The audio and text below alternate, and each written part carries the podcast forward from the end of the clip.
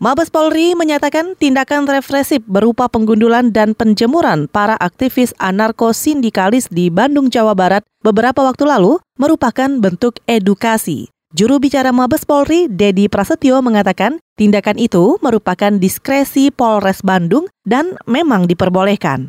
Itu diskresinya, diskresinya apa namanya? Diskresinya Polres, Polres Tabes itu ya sebagai bentuk edukasi. Dia kan tidak tidak dilakukan uh, istilahnya apa namanya penegakan hukum kepada yang bersangkutan. Diskresi yang dilakukan oleh uh, Polres itu sebagai bentuk pembinaan aja. Juru bicara Mabes Polri, Dedi Prasetyo juga menuturkan tidak ada masalah dalam diskresi penggundulan dan penjemuran.